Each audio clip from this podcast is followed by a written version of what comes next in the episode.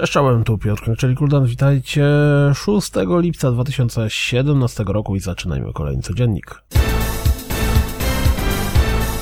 Twistic Shooter, czteroosobowy koop i pixel art, czyli Iron Cryptical na premierowym zwiastunie. Pojawiła się pierwsza gra w serii Playlink, czyli That's You, a wraz z nią premierowy zwiastun. Nowy zwiastun Agents of Mayhem, tym razem przedstawia postać Gremlin. Wcześniej nie zwróciłem na to uwagi, ale Fire Emblem Warriors zmierzające na Switcha i nie tylko wygląda na zwiastunie całkiem ładnie.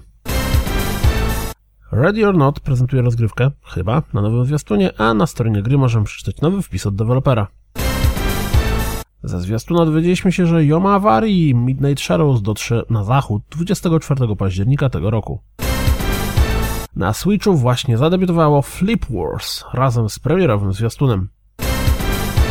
Unreal Engine 4 jest potężnym narzędziem, bo jak widać na prezentacji Bright Memory, nawet jedna osoba jest w stanie zrobić grę, która wygląda imponująco.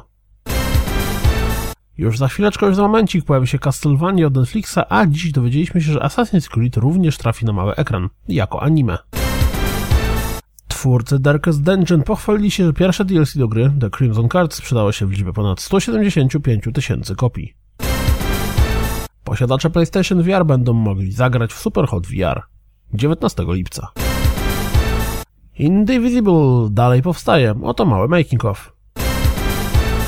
Zastanawiacie się jak wygląda porównanie Final Fantasy XII z jego remake'iem? No to sprawdźcie to wideo. Jeśli interesujecie się Conan Exiles, to warto sprawdzić ostatni stream od dewelopera.